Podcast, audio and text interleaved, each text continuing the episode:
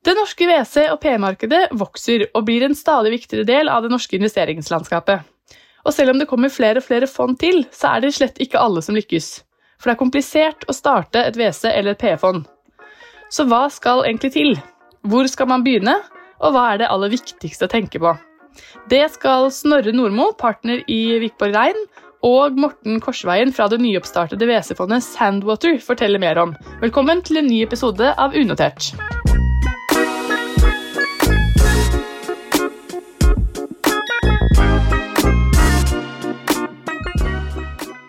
Hei, Morten og Snorre. Velkommen til podkasten. Hei, Ellen. Veldig hyggelig å få være her. Jeg er jo en stor fan av podkasten din, så det er gøy å endelig kunne få delta som et, et etablert venturefond. Det er veldig hyggelig å høre. Hei til deg òg, Snorre. Hei, hei. Veldig hyggelig å få lov til å være her.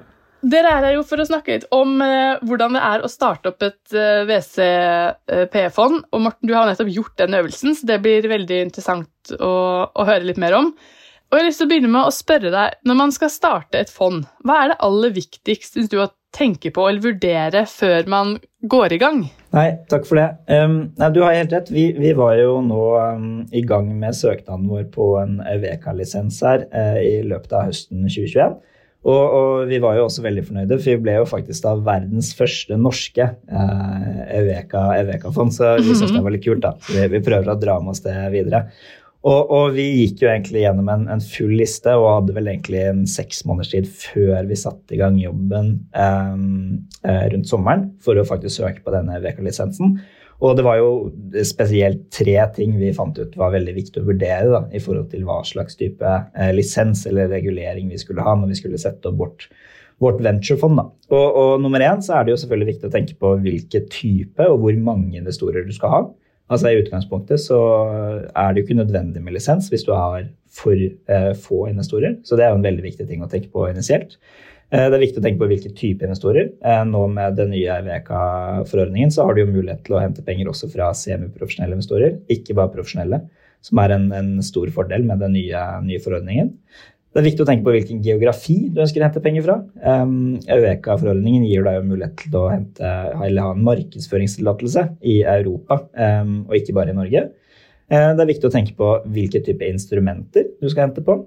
Skal du hente kun egenkapital? Skal det være noterte, unoterte aksjer? Eller skal det være andre typer strukturer som konvertibel gjeld, obligasjoner uh, osv.? Og så vil jeg bare egentlig legge til et fjerde punkt som er et viktig ting å ta med seg inn i strukturen rundt dette med AIF, og det er øh, skal du ha leverage, og hva slags type størrelse skal du ha på fondet? Fordi det har litt uh, å si for, for hvor, uh, hvor uh, komplekst du ønsker å sette opp strukturen din. Supert med en sånn opplisting. Vi skal gå litt mer inn på, mm, på deler av det etterpå. Men jeg har bare lyst til å sjekke deg med juristen i rommet. Snorre, er det har Morten tenkt på det han burde tenke på her i starten, eller har du noe å legge til? Nei, helt klart Morten har uh, veldig god kontroll allerede. Det er det ingen tvil om. Um, uh, og, og, om nå, egentlig, så tenkte jeg å si litt i tillegg til det legale og mange av de strukturelle spørsmålene som Morten og de har, uh, har håndtert på veien fram mot etablering, så ser vi det at det er ganske krevende drøm å realisere det å etablere et nytt fond. Eh, og noe vi ofte diskuterer med nye aktører aktører, miljøer, som kommer til oss for å etablere seg, det er at vi diskuterer litt sånn en sanity check innledningsvis. da, eh, Og egentlig tre spørsmål man, man må stille seg og se på. Det ene er har man en god forretningsidé og god investeringsstrategi.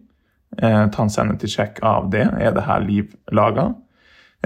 Så tar man litt sånn selvkritisk vurdering av kompetansen på teamet har man den kompetansen som faktisk trengs. Eh, det ene er jo selvfølgelig rent praktisk og internt for å gjennomføre de oppgaver man skal, men kanskje også hvordan ser det kompetansen ut utenfra. da. For man skal jo tiltrekke seg tillit og kapital. Og så er det siste er, har man tilstrekkelig backing. Har man også en sponsor eller nøkkelinvestorer som gjør at man har eh, økonomisk trygghet og en base for å gå ut og hente penger i litt mer videre forstand. Så liksom, Vi ser ofte at de tre mer kommersielle spørsmålene kommer først. Og så kommer alle de herlige tingene som Morten oppsummerte veldig godt, med rekke juridiske og strukturelle spørsmål. Det er så bra, Her har man jo ganske mange spørsmål man kan begynne å, å jobbe ut ifra hvis man vurderer å, å, lage seg et fond. Og Morten, du var inne på uh, en ganske interessant ting der med EUVK, og det kan helt sikkert Snorre si mer om òg. Fordi uh, altså, et fond kan jo ha ganske mange ulike typer struktur og oppbygning. Og dere har valgt å, å etablere et EUVK-fond. Men Snorre, kan du si litt mer om de liksom, ulike typene fondene man kan etablere? Og så Morten, kan du fylle ut litt med det dere har valgt uh, etterpå? Snorre? Ja, man kan se det fra Man har liksom et legalt perspektiv på hvilken type fond man har, og så har man litt mer sånn bransjeterminologi på type fond. Og på sistnevnte, bransjeterminologi, så snakker man jo ofte om hedgefond, eiendomsfond, private equity etc. Det er kanskje greit å ha et, et forhold til hvilke type fond eller produkter man egentlig ønsker å skape her, da, rent sånn bransjeterminologisk. Eh, men også legalt eh, så er det viktig å ha et klart forhold på hva, hva er det man egentlig skal etablere her. Er det ment å være et ordinært verdipapirfond eller et alternativt investeringsfond f.eks.? Eh, og når man har avklart det, eh, så vet man litt mer hvilke eventuelle tillatelser, konsesjoner, man trenger dersom man trenger det for å forvalte dette fondet. Også som eh, Morten og de har gjort, da, de har etablert et regulert fond, Eureka, eh, som er kjempekult. Eh, for man kan jo velge å ha uregulerte alternative investeringsfond eller regulerte fond. Og hvor Eureka, LTIF er eksempler på, eh, på, det. Vil du si litt mer om det, mm, den vurderingen dere gjorde når dere etablert et EUVK-fond? Nei, jeg kan uh, begynne med, med det. Og, og, og, for oss så var det jo en viktig avklaring for oss, og det, det går jo egentlig på dette med Soundmotor òg, men vi, vi, lanserte jo Soundmotor som et en nyetablert fond. Men, men, litt av vår bakgrunnshistorie er at vi, vi, har egentlig holdt på med investeringer siden 2016. Um, og så har vi lansert dette i noe vi kaller et konseptfond, og så ønsker vi å hente noen nye penger i, i det nye fondet. da. Og, og, det satt litt føringer for vår, eh, altså vår, vårt syn på hvorfor vi valgte å gå i Eiveka-veien. Og en av de viktige partene der var bl.a. at vi fikk denne markedsføringstillatelsen utenfor Norge, eh, som var et viktig, viktig premiss. Um, det var også en viktig premiss at vi hadde mulighet til å hente penger fra, fra semiprofesjonelle investorer. Eh, altså investorer som er klassifisert som De vil da være innforstått med risikoen. Det innebærer å hente penger i, i venturekapital, men også å eh, investere mer enn 100 000 euro. Så det, det var et viktig premiss for oss. Um, og så var det også et viktig premiss at vi, vi har jo et, en størrelse på fondet uten leverage som gjør at vi vil være det man kaller en subregistrert AFM. Um, så vi vil ha et, et, et, mindre regulatorisk grep rundt daglig drift. Da. Og det var en viktig, viktig klassifisering for oss. fordi at the end day så er jo det vi skal drive med, er å, å investere penger på vegne av investorene våre, og vi ønsker å ha mest mulig fokus på det.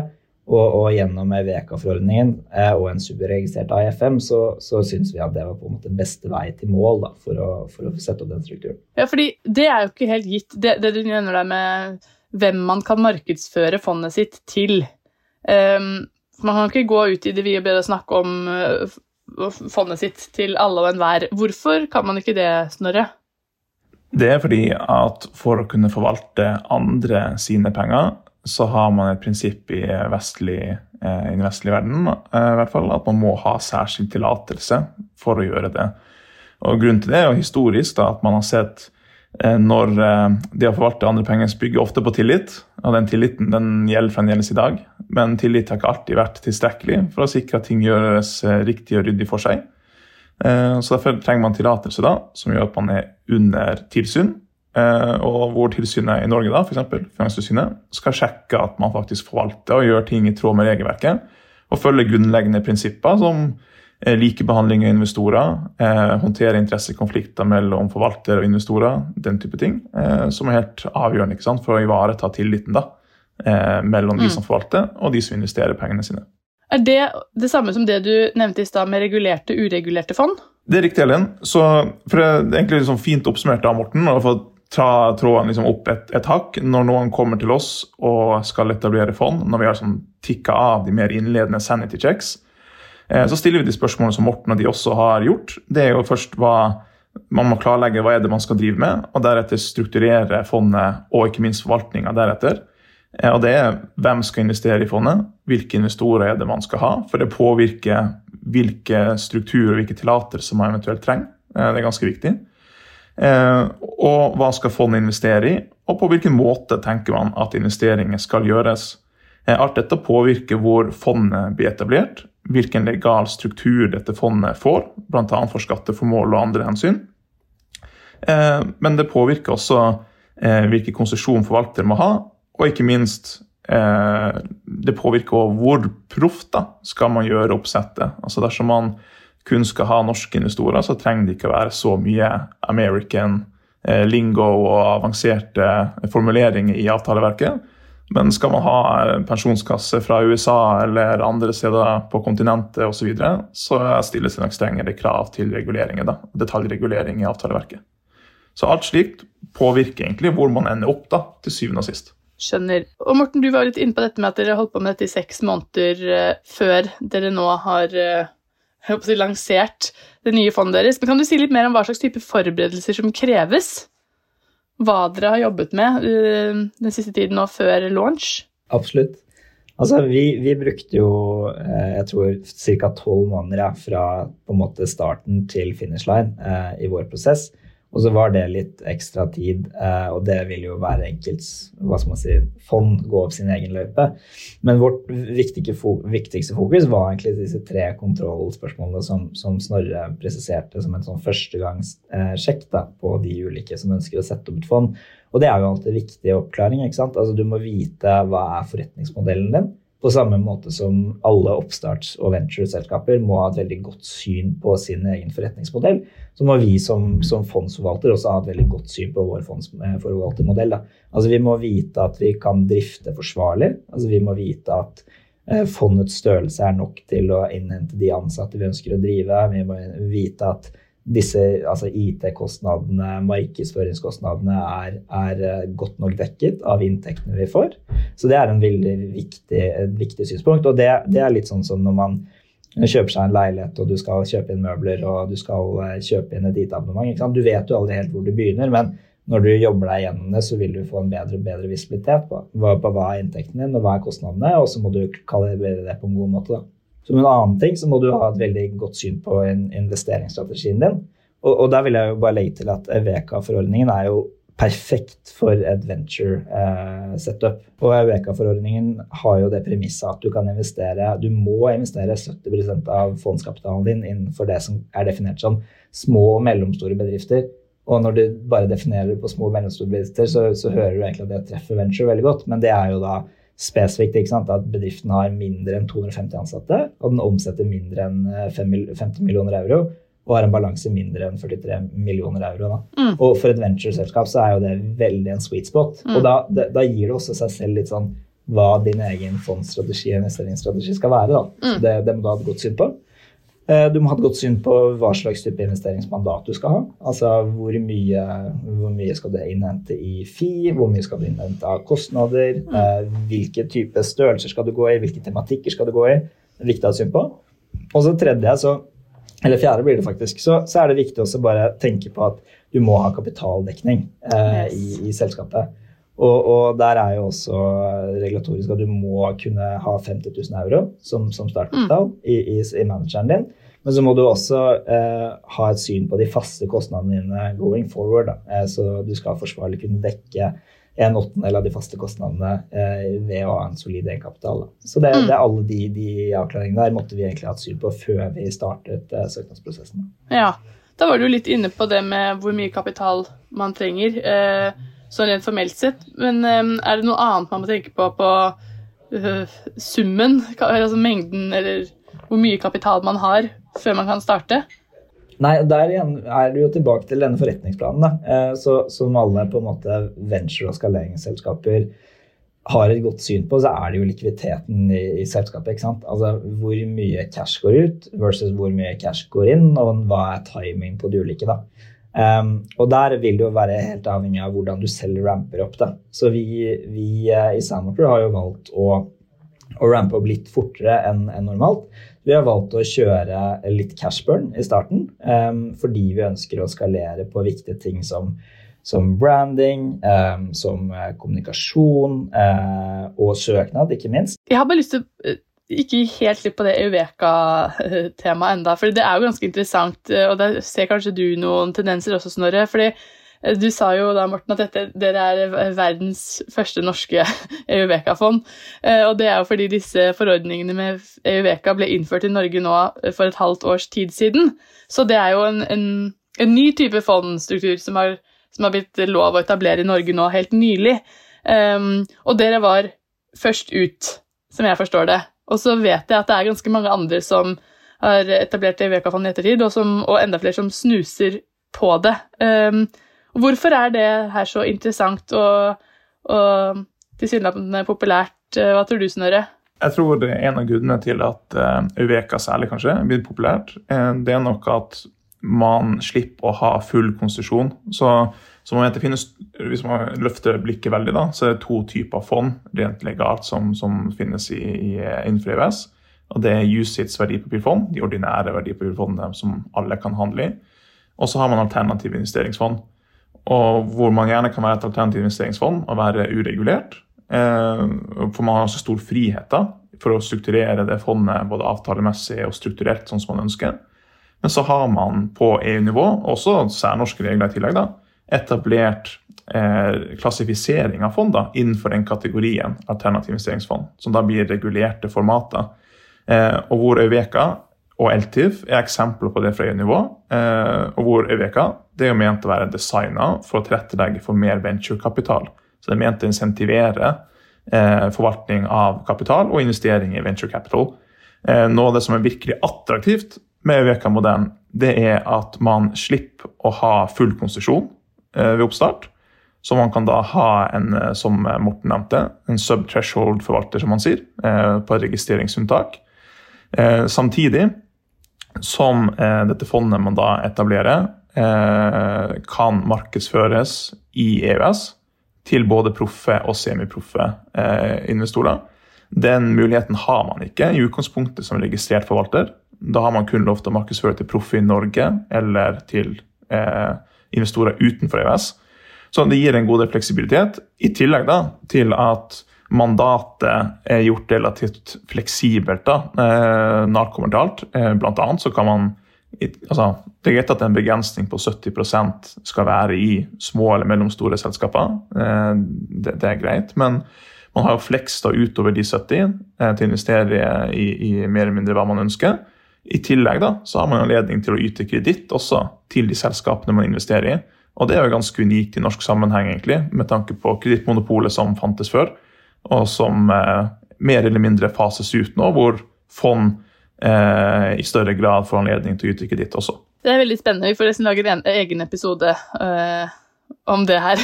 det er ganske mange sånne spor man kan ta innenfor det her, uh, merker jeg. men vi får fortsette litt på det sånn overordna her. Hvor mange ansatte trenger man i starten, Morten? Rent formelt så, så, er jo de posisjonene man skal utfylle, er vel daglig leder, um, og du må ha en leder for porteføljeforvaltningen, og så må du ha en compliance- og hvitvaskingsansvarlig. Um, og så får du korrigere meg, Snorre, men slik jeg har forstått det, så uh, er det at egentlig så kan alle tre være besatt av én person. Uh, men typisk så vil man gjerne ha to personer som, som, på en måte vil kunne være både daglig leder og leder for porteføljeforvaltningen og compliance- og hvitvaskingsansvarlig. Og initielt i starten så vil man gjerne kunne outsource spesielt denne compliance og AML-biten. Um, så det er et viktig, viktig premiss. Og så er det jo en som på en måte tilbake til et godt venture- og startup-selskap. Eh, du vil jo trenge så mange ansatte eh, du må ha for å vokse fort. Og så må du balansere det med, med, likviditeten og hva du faktisk kan pådra deg kostnader. Um, så om du skal være et tomannsforetak som, som starter det, eller om du skal være et timann fra dag én og virkelig sette på deg løpsskoene og løpe, det, det, bestemmer du jo egentlig litt selv. Det viktigste er på en måte at du har du har kontroll på det formelle, for du er jo faktisk et regulert foretak. Eh, og så bestemmer du din egen marsjfart. Mm. Er det noe å legge til der, Snorre? Jeg tenkte bare å presisere at Morten og de har jo hatt ekstra friheter eh, siden de er en registrert forvalter. For Da er det minimalt med formelle krav til både kapitalkrav og eh, ressurser og ansettelser. Eh, så det er litt sånn avhengig av hvilken eh, vei man egentlig ender da, i den vurderinga vi har snakket om innledningsvis. Eh, hvis man ender med å ha full konsesjon, f.eks., enten som alternativ investeringsforvalter eller som porteføljeforvalter, som man gjør på en delegert basis, eller rådgivning etc., så påvirker jo det for det første hvilke kapitalkrav man får. Eh, Der har Morten og de et litt lavere krav ikke sant, enn når det er full konsesjon. Eh, Også kravet til antall ansatte. Men vi tror nok at både regulatorisk og rent kommersielt så bruker man å si at det er et minimum på to stykk eh, det er noe som legger behov for. eh, I hvert fall hvis man skal ha konsesjon. Eh, Men kanskje også uansett, fordi investorene stiller ofte krav til at det må være litt backing og ressurser i bakhånd, så de vet at noen kan ta hånd om det når man er på ferie, eller noen blir syk, eller ja, at noen kan se over ting, som en kontrollfunksjon f.eks. Så jeg vil ikke si at kapitalkravene er ulike avhengig av tillatelse, men fra eller til så må man som regel ha minst to personer eh, i sving for å, for å komme i gang. Nå har vi liksom fylt ut eh, eh, det som man må tenke på før man starter, og så når fondet da er eh, oppe og går, rent sånn formelt sett, hvilke lover og regler må man forholde seg til da? Snorre, jeg skjønner at det er et, eh, svært spørsmål, men hva er de viktigste lovene man må kjenne til? Så som du nevner, det er et ganske vidt spørsmål, eh, og det avhenger altså Det overordna svaret det er at det avhenger av hvilken type konsesjon man benytter seg av, eventuelt om man er registrert, og hvilken jurisdiksjon man opererer i, enten som forvalter, eh, som fond, hvor det fondet er etablert, altså, eller hvor man markedsfører og gjør aktiviteter. da. Alt dette påvirker hvilke regler man må forholde seg til. Eh, mens i Norge er det eh, ganske ryddig forhold. Avhengig av tillatelse så er det som regel lov om lov om alternativ investeringsfond. Eh, så, så hvis man har den, den tillatelsen, eller er registrert, sånn som, eh, sånn som Morten og kompani, eh, hvor man da har implementert egentlig forordninger på EU-nivå direkte gjennom henvisning i forskrift, forskriften til, til den loven. Hvis man har en rådgivningsmodell eller opererer på delegert basis, så er det verdipapirhandelloven som gjelder liksom, for den delen av virksomheten. da. Så det er sånn, Svaret avhenger litt av hvilken modell man går for, men eh, man kan si da at eh, regelverket man må forholde seg til, det kan være ganske ryddig og enkelt, egentlig. Eh, sånn som for Morten og dem sin del, så er det ganske ryddige forhold eh, på hva de må forholde seg til og operere innenfor. Men så kan det også fort bli ganske komplekst dersom man skal ha avhengig av type konsesjon og hvor mange jurisdiksjoner man skal operere i, om fondet er etablert i Norge, eller i Luxembourg eller Irland, Guernsey, Jersey, Cayman Islands, Delaware osv. Alt dette påvirker selvfølgelig eh, hvor mye man må forholde seg til. Snorre, jeg lurer også på hvilke utfordringer ser dere mest blant nyoppstartede fond? Så hva er det hva slags utfordringer støter man oftest på? Det vi ser er at Mer enn de legale forholdene, så er det faktisk pengeinnhentinga, altså innhenting av kapital, som ofte er den største utfordringa til alle nye team. I tillegg så er det klart at kjennskap til regelverk og, og, og starte opp finansiering av forvalter i seg selv og sånn kan være utfordrende. Men uh, vi bruker å si det at selv den beste investeringsstrategi og forretningsidé blir det ingenting av hvis man ikke har Mm. penger å forvalte. Så uh, jeg, jeg tror nok vi, vi etablerte, eller bisto med etableringa av ca. 10-11 fond i 2021. Eller du kan si blant, blant disse aktørene da, så er det bare én av de som, som per nå ikke har lyktes. da, Fordi det er ganske god tilgang på kapital i markedet. Men det betyr ikke at det er noen lett prosess. Det er faktisk ganske krevende å hente inn penger. Hvilke andre ting eh, må være klart før man begynner å investere, Morten? Når fondet er oppe og går rent sånn formelt sett. Hva annet må man tenke på? Nei, nå, nå dekket jo Snorre veldig godt på en måte de, de rent sånn formelle punktene som faktisk må på plass. Og, og rent formelt så må du jo ha? Du må ha autorisert både fondet ditt og forvalteren din um, for å på en måte sikre at de nødvendige dokumentene er på plass for å hente penger. Og så rent uh, formelt sett så vil du gå videre inn og faktisk hente penger. Uh, og da må du jo få signert uh, det vi kaller en subscription agreement fra de ulike investorene og closet fondet, slik at det er klart. Eh, og så må du ha KYC-et eh, de ulike investorene dine, sånn at de er eh, klassifisert som enten profesjonelle eller semiprofesjonelle under VK-forordningen. Og at du også har sikret deg at den reelle eieren eh, bak de ulike investorene er korrekt, altså, slik at du i, i, i, håndterer hvitvaskingsloven eh, riktig. Mm. Men det jeg vil presisere, som, som, som, egentlig ikke er en ren formalitet, men som ofte er veldig viktig, det er jo å ha et veldig klart mandat og en godt governance og compliance setup. Eh, og det er også veldig viktig for investorene. Det er ofte noe man vil møte når du er i prosess i, i en fundraise. Da. Du må ha et syn på hvilket mandat er det du skal agere etter, og hvilke investeringer er det du skal plassere etter det mandatet. Og du må ha et klart syn på hvis du vil gå utenfor det mandatet, så må du ha en kontrollfunksjon, eh, enten gjennom et eh, styre eller en annen funksjon, som sikrer at mandatet følges, eller at det aksepteres at man går utenfor mandatet. Da. Så det, er et viktig syn, eh, en ting å ha kontroll på.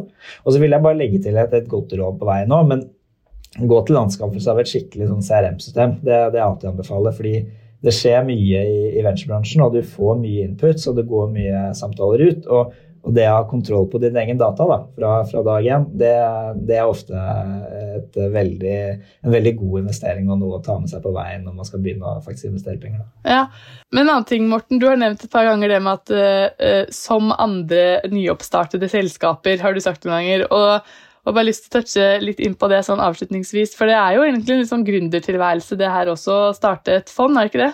Jo, jeg er jo helt enig i det. Altså, det er jo litt sånn både vi og, og oppstartsselskapene vi investerer i, løper jo litt den samme reisen. Vi begynner jo, vi som, som, alle andre, med å sette opp et AS, uh, funde det AS-et med en, en, håp og en tro om at du har en forretningsmodell som, som lykkes da, eh, at the end. Eh, og et par viktige ting der er jo å sørge for at du har det, det standardgreiene på plass. ikke sant? At du må ha en regnskapsfører, du må ha et system som sørger for at du klarer å trekke informasjonspunktene dine. Du må ikke minst selge.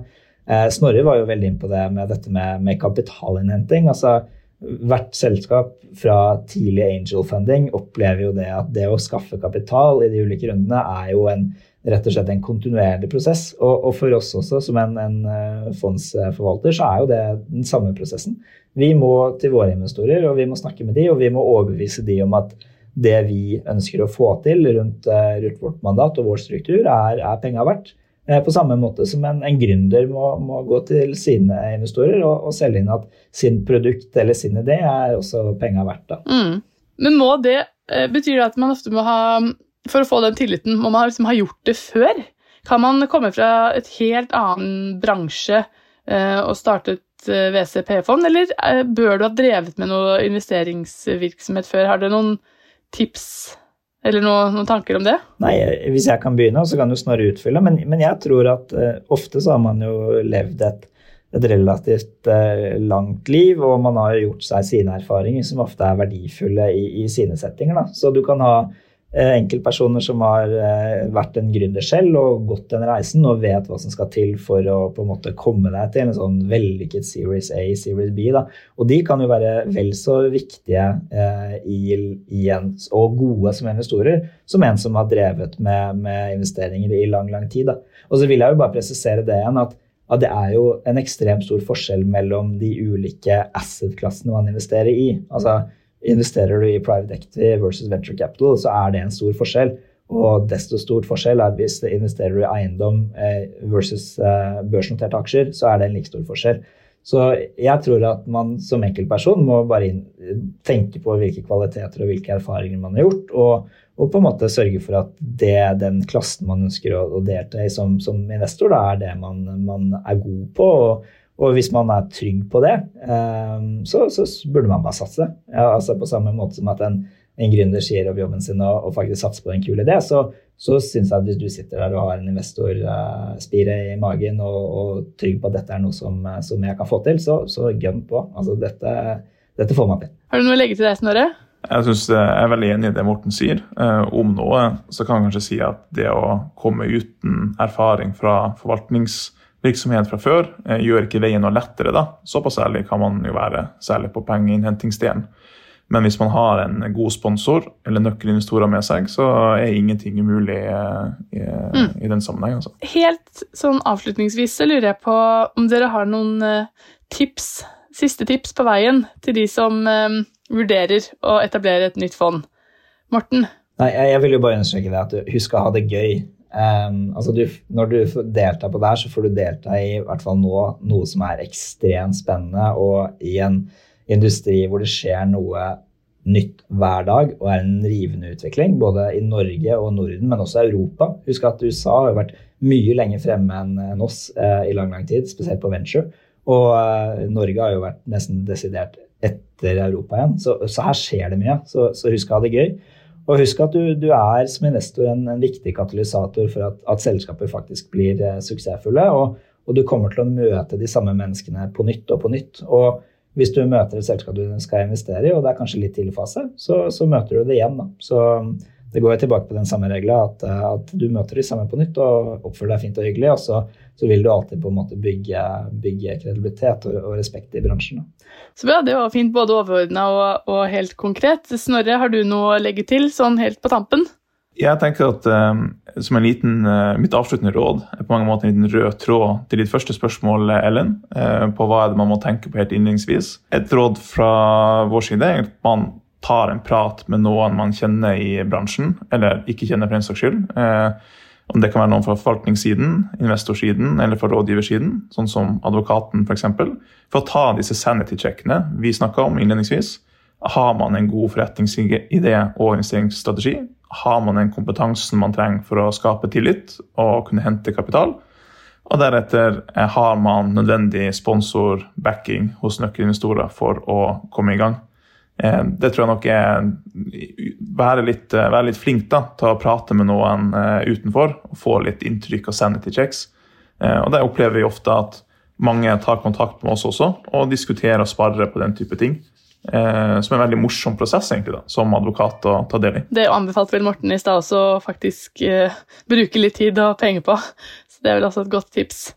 Sørge for at man har det, eh, det på plass. Tiden vår er dessverre slutt. Her var jeg sikker på at vi kunne pratet i timevis, så nå kommer det kanskje noen spørsmål deres vei i etterkant av denne episoden. Eh, men vi får se om vi får fulgt opp litt mer litt senere. Men jeg vil, har lyst til å bare oppsummere kort eh, det dere sa. Det Morten pekte på sånn innledningsvis som det er viktig å tenke på, det er om du skal ha lisens eller ikke lisens, altså være, om du skal være regulert eller ikke være regulert, hvilke type investorer du skal ha, og geografien du skal hente penger fra, um, og hvilke instrumenter du skal investere i. Og ikke minst størrelsen på fondet, som har en del å si for hvor komplekst uh, alt dette skal være. Snorre, du oppsummerte det med tre punkter, bl.a. om man har en god uh, forretningsidé og investeringsstrategi, Eh, at det er viktig at man er selvkritisk i vurderingen av kompetansen på teamet, altså om man klarer å tiltrekke seg tillit og kapital, og om man har tilstrekkelig backing med investorer på laget. Um, og så sa de at WC eller P-fond er et såkalt alternativt investeringsfond, og da stilles det krav, og at man følger lovverket deretter, bl.a. på hvilken konsesjon man trenger for å forvalte fondet, hvor mye kapital man må ha, og hvor mange ansatte man må ha med seg fra start. Det har dere vært litt inne på, det varierer litt. Og dette er komplekst, og det er ganske mye å tenke på. Nå har vi bare brukt en snau halvtime.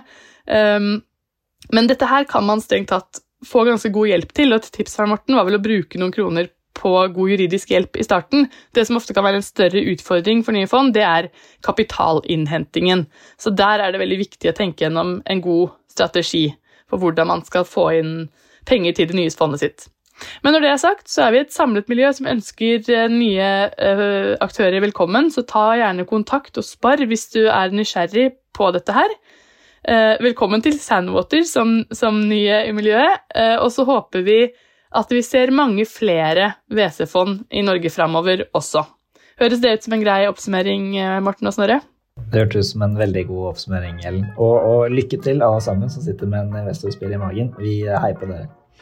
Det var en fin avslutning. Det eh, samme kan vi si, Snorre. Eh, lykke til, og takk for at du hørte på denne episoden av Unotert, og takk for at dere stilte, Morten og Snorre.